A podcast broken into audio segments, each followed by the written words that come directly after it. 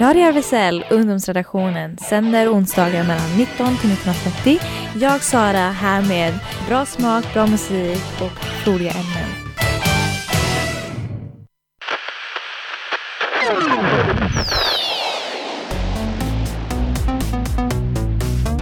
Radio RFSL. Ungdomsredaktionen. Från RFSL Malmö.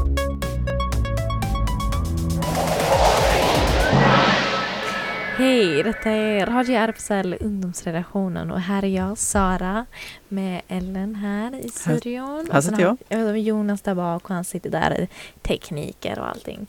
Och sen så har jag en gäst, Anna. Hej. Hej. Eller gäst och gäst, hon var ju med i förra. Fast jag vill lite så här stjäla henne lite, du vet så här, jag ska ställa henne några vissa frågor. Eh, och hon är här för förra gången. Oh, I'm so sorry. så, eh, förlåt, jag måste förklara. Så eftersom att Anna är här och jag, vi kommer så här snacka om asexuality, eller vad hennes, hennes upplevelse med asexuality, jag kommer fråga henne vissa frågor. Men grejen är att eh, Anna och jag kommer snacka, prata engelska för det är det Anna är bekväm med. Så om ni här lyssnare tycker det är lite konstigt så är det bara detta avsnittet. Alltså det är så här, det är bara för just nu. Och det är medan jag och Anna snackar. Eh, It's hi- all my fault, sorry. no, it's not your fault. Literally not. Uh, I'm really thankful that you want to like stay over here and answer my question. We can have a nice conversation because we, we really don't have like a time in our schedules. But now it's like really fine, and you guys will like look forward to it because now we're gonna put on a song that is asleep. But it seems like I don't know what it is, but I really stuck on it like the Smiths. Um, I love the Smiths and. I don't know, this song is very comforting. Nice.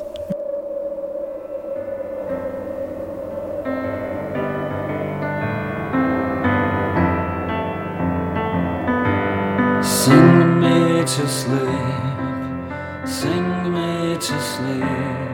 I'm tired and I, I want to go to bed. Sing.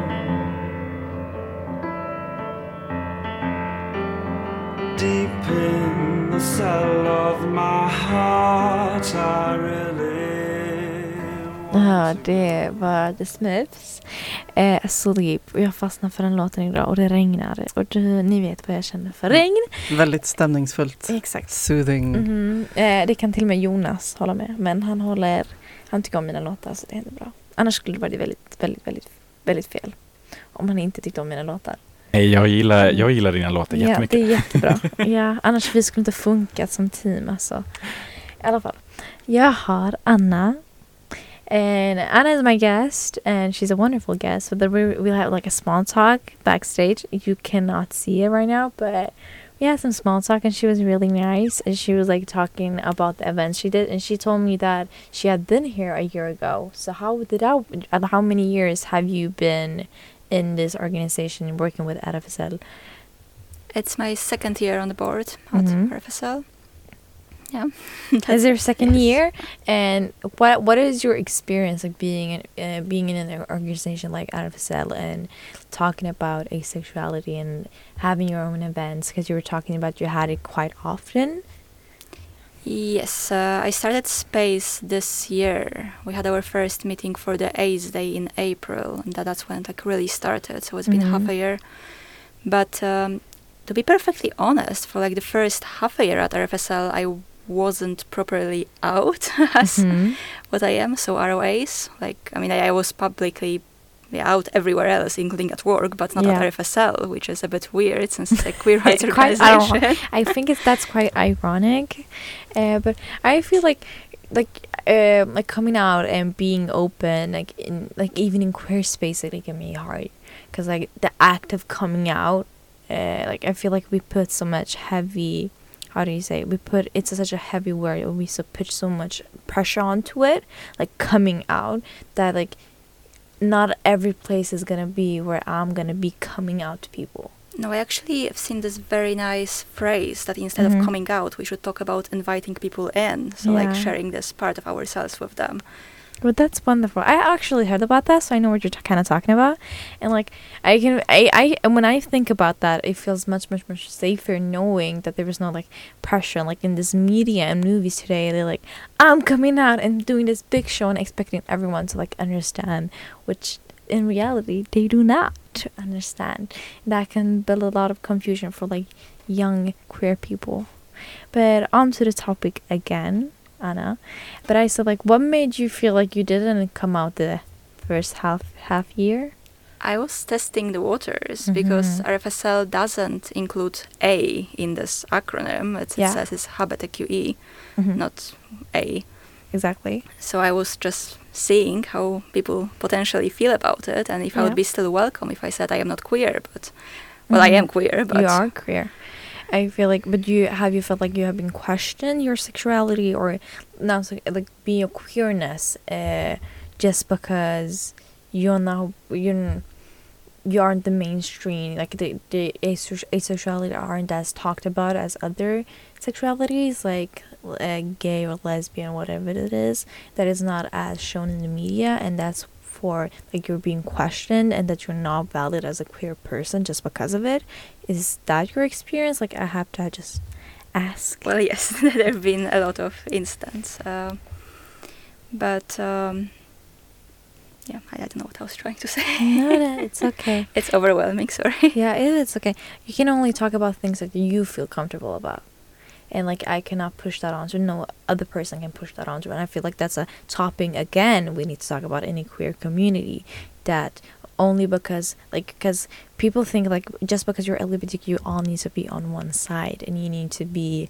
this you know community and you need to but like people don't think about like we literally fucking backstab each other so much. And there's so many spaces so many times where like someone is excluded and or is someone excluded someone else is fetishized and someone else is like you know we're backstabbing each other and at the same time like outside for people that is not in a community like they're looking at us like we should be this whole family when we're like literally not. I wish it would but like we have our own problems in our own communities. There are some fucking idiots and i, I just don't like you know the pressure of that Personally, I find it easier to come out to people who are cishet, which is Mhm. very interesting because I, I never had a bad experience coming out as a cishet person. They even Yeah. often often know what Mhm. asexuality or aromanticism are.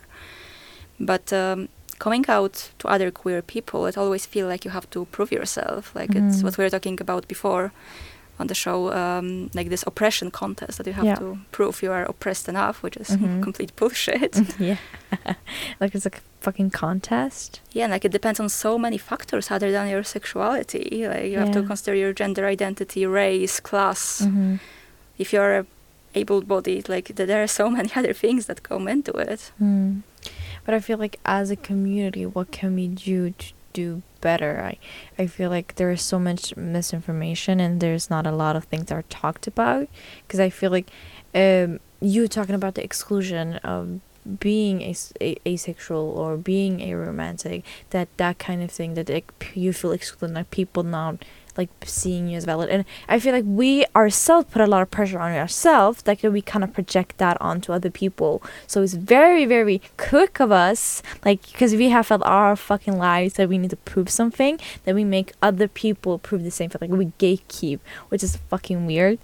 Uh, we could just not let someone be like if someone is in unlabeled for example and that person being unlabeled needs to feel the pressure to put themselves in a box just to feel valid and then they question themselves and then question the other people around them which is fucked up. And i don't know your experience. I just talking from what i know right now.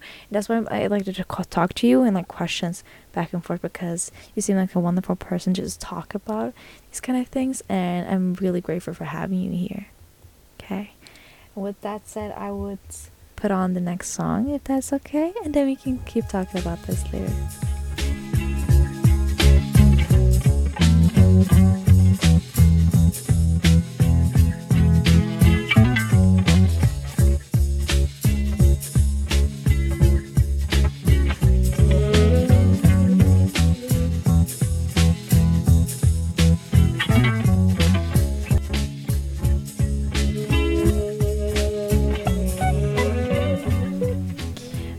So I, I have a confession.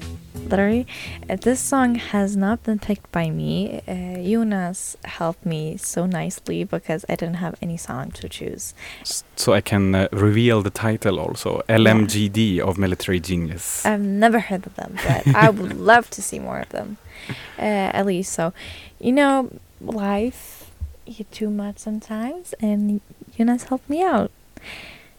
But back to our topic again. We are talking about like asexuality and romance, and like how because the uh, my understanding is like there's a lot of like it could be like an umbrella term. Like I, I you need to check me right now because I don't really know that It much, is, and I should not really talk more than what I know. But I what I've learned and what I know from now, I could be very uneducated or wrong, because I don't really know as as so much about it. But yeah, like it's an umbrella term, and there's a lot of you know sections you can identify with a lot of things under the under umbrella term. Can you talk more about it?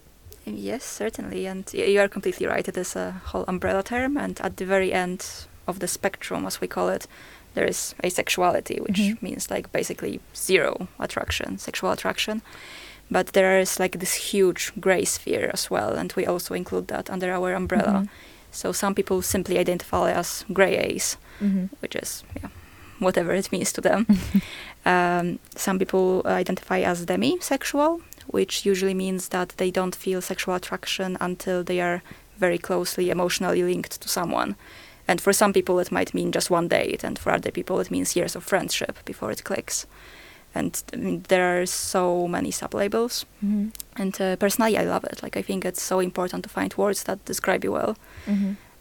And like it could be whatever what speaks to you. I feel like uh, a label could be what you tell it to be. Like I feel like every person has a kind of how do you say association with that word and that term, and it means a lot of different things to whatever person.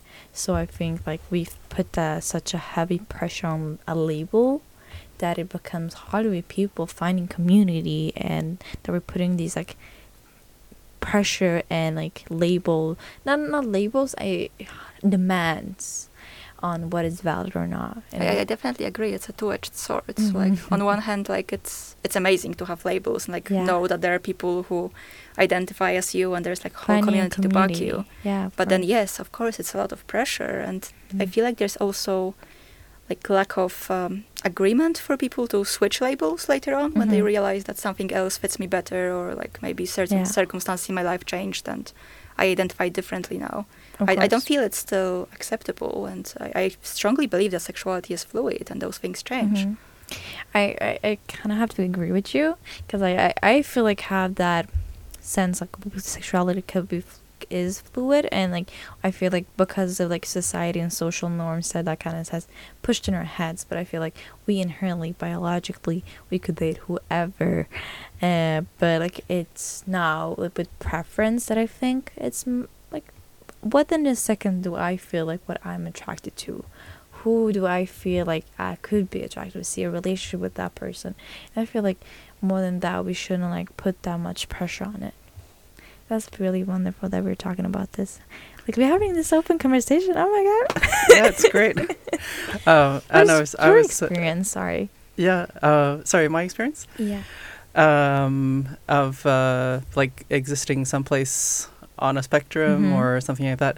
Um, I think um, I I maybe have. Um, we were talking about coming out earlier, and maybe like my story is a little bit different from uh, that of most of people I know. Anyway, um, uh, that is among people who uh, uh, realized they were n- not straight, but like were gay or bisexual or something. Um, because I had like I was like into my twenties when uh, like I still thought of myself as asexual, um, and was like I had passed through this uh, period in my teens when uh, I was very well aware that we were all expected to be like hypersexual, especially at you know at that age because it's like puberty, so we're all supposed to go nuts, Mhm. uh, right? And so I I felt like well if I'm not feeling anything even in this period of my life when I'm told that we're all supposed to go nuts, uh, then, then How is gonna how is gonna go when I grow up? yeah, exactly. So so like I passed 20 and I still wasn't feeling anything and and um I don't think I like was uh, suffering from any kind of like uh, internalized homophobia either because I actually remember asking myself like, well, you know, I'm not into boys, but I can't remember like being attracted to like any girls either really. So it's like Mhm. Mm, yeah, so um You're open to the idea, which is wonderful. Uh, yeah, but to me, it's like I had kind of like I was kind of past even thinking that I would ever be attracted to anyone. So I was kind of like, Mhm. yeah, I'm I'm asexual, you know, and that's like, um, and I just like put it behind me, so it wasn't like I I, I even stopped thinking about it, and so yes, and then my thing when I when I finally did uh, feel an attraction to someone, it's like who happened to be a woman. For me, the the big deal wasn't that it was someone of the same sex. It was like. Oh, apparently I can feel this, you know. So that's kind of an unusual. I don't know many other people who have like that that story. Experience. So yeah. I feel like you, by based on like your experience, I can think of like the thing that popped in my head was that like we are learning. This is a learning experience. Like I feel like we learn much more and more things about ourselves, and like you learned something about yourself that you didn't know before, and like you kind of evolve as a person, as a human, as a soul, and I think that's just beautiful, and we should celebrate that more and put more importance to that than a label that is very mm, could be temporarily could change could, could say just how it is or like it could be liberating at the same time i can feel that sense like when i'm talking to myself and i feel like this label label wow and i still feel like it's liberating for me but i still feel like it's limiting limiting limiting Limiting. Mhm. limiting like she checks me no but i still feel like it's it limits me Mhm. because I feel like I need to question myself to order be to be valid, which is quite weird. I'm sorry. Oh, uh, another question I had was like in the community. You talked about a community, and you felt like you were excluded, excluded, and you didn't feel like RFSL was that including uh, people who was uh, on that spectrum. Uh, do you think that it's something that's changed with time, or I don't know how long you have been here? It hasn't changed. It hasn't changed. No, That's it, quite it's still sad. bad. But how has it been at space? I feel like you kind of brought some change with yourself. I feel like uh, you saw something, you saw the problem, you saw there was something there, and that some people, other people haven't questioned or haven't made something about it. And you took that initiative and you really made a safe spa- space for people on that spectrum, asexuality, or romance people. So I feel like, how can you talk about how has it been? I mean, it's it's definitely changing, but I feel like it's more on a personal level that you Mhm. get to like one person or two people and they understand it. Yeah. But with many people, it's like you repeat the same thing over and over that, that that's what asexuality means. Or no, I haven't turned lesbian yet, but I mean, who Mhm. knows? Maybe next week, but hasn't happened yet for me. Yeah. You know, like the basic things, it's happening over and over, and it can be like very small things, like. Um, during the World Pride, all Mhm. ace flags hung upside down for whatever reason. Like they just couldn't Google it to see how to hang them properly. Yeah. So that's a very small thing, but it's jarring when you see that that's the only flag that's exactly, and it like comes from a place of ignorance. exactly, and like it's so easy to check it, so it's It's so unexcusable. Yeah. but then I mean there are also like bigger problems, Mhm. like structural that I sort of hinted at before. That like I, I really feel it needs to be more included in a hmm RFSL uh, anti-discrimination laws and things like that. Yeah. And and like, when you're saying that, can you like come with examples of just that, so we in the radio community be more aware of that, and like for people that is listening to this, could- that they could be more aware, aware of this, like discrimination. Like, can you give an example of that I can give plenty of examples. experience? Like a small thing when I was marching in the opening parade of the World Pride. Mhm. somebody asked me why am I waving my double-sided aro and ace flag and why, why don't I just have a rainbow flag? And I said that well, I just want like if there's an ace person or aro person out there watching, I want them to know that, that they are included in this parade as well. Mhm. It's not just for binary gays and Yeah. lesbians. It's like for all queer people out there. Or uh, from bigger things. Like there is a lot of medicalization of asexuality. Like um, wherever you go to a doctor, they they try to convince you to Figure this try out. finding, yeah, and try to find a fix you. partner, try having sex, and like it's like lots of assumptions, and like that they always try to like blame your hormones, and they always check my hormones, and my hormones are always fine, so it's it's Mm. not my hormones. So it's a similar kind of thing. Like it's a phase. Yes, Yeah. basically, yeah. Like there must be something wrong with you. Like how can you not be interested in that? And I mean, like for me, it's not even lack of interest in sex. I'm very much interested in sex. It's a fascinating subject to talk about. I just don't feel attraction. That's it. And I feel like p- people shouldn't question that. Like that's it, and you should just shut the fuck up, and like mind your own fucking business. And as a doctor, as a medical medical professional, I feel like you wouldn't have the right right having your client there, sitting, being there, vulnerable with you, you questioning them and their identity, just because you're a doctor and you have a fucking degree. I don't give a fuck. Literally, I don't give a fuck who the fuck you are. That place is coming from an ignorance and your ignorance is hurtful. So I don't give a fuck who you are or what degree you had. Literally, you're hurting a person. And I feel like your story and other people's stories on the that spectrum, like asexuality or ro- or romance, are valid. So if anyone is listening, you are valid. I don't give a fuck whoever t- who tells you you're not valid, but you are. And I feel really sorry that you had that experience. I'm really sorry that you had that experience, really. And I'm really thankful for having you here and we're gonna have some music on. But really, thank you, Anna. Thank you.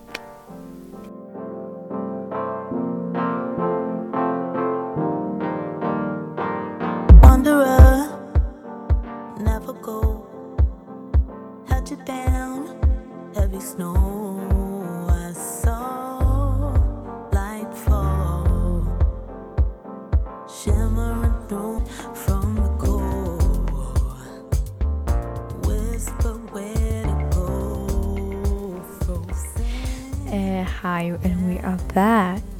So, like, these like last minutes, you're just gonna sit with me and Ellen and Anna. We're just gonna talk about like small things like books and music and films and recommendations because I like I like to spend the last minute just like taking relaxed time and you can just spend this time with us, which is wonderful, wonderful, and thank you for being here.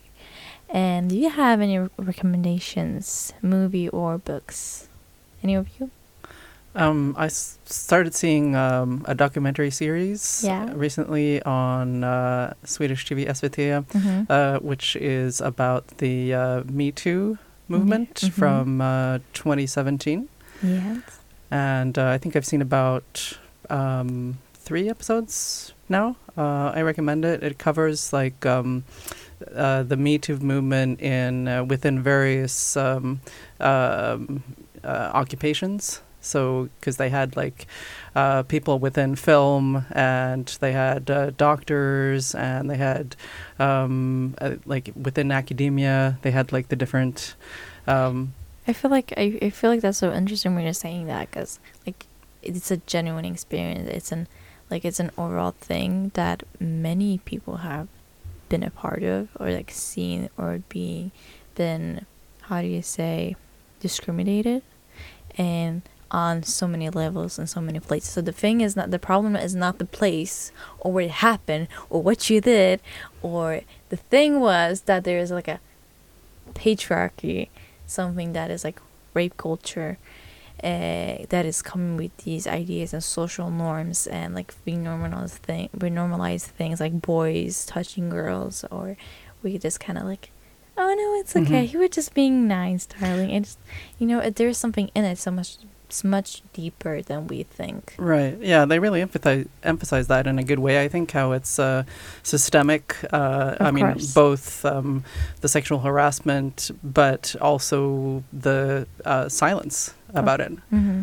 How people are silenced. yeah I must just mention it because this news broke today and like it was all over Polish social media that there is this school in Gdańsk in northern Poland where girls are now forced to wear full-length sleeves and full-length trousers at all times, including PE, to not distract boys. And I'm like, that that's Poland, that's EU. You can't force anyone to wear whatever you think they should be wearing, and especially like if it's gendered and blaming girls for distracting boys. Just it's 2021. Yeah.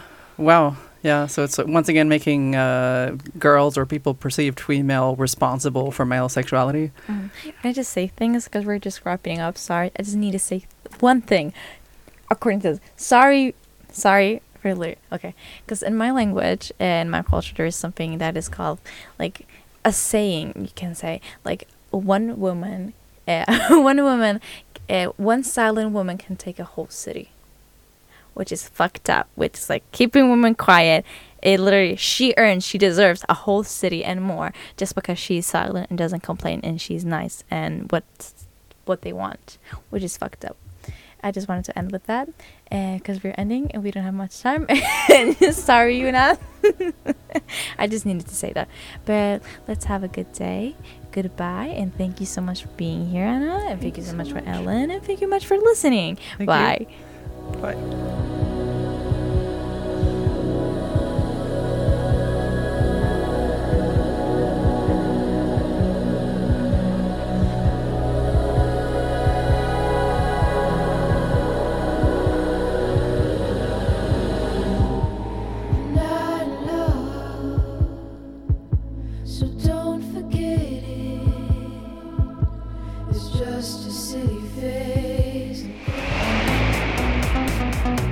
Här var Radio RFSL.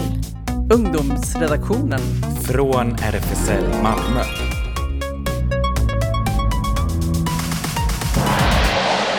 Kolla in Radio RFSL på Instagram och Facebook för mer information.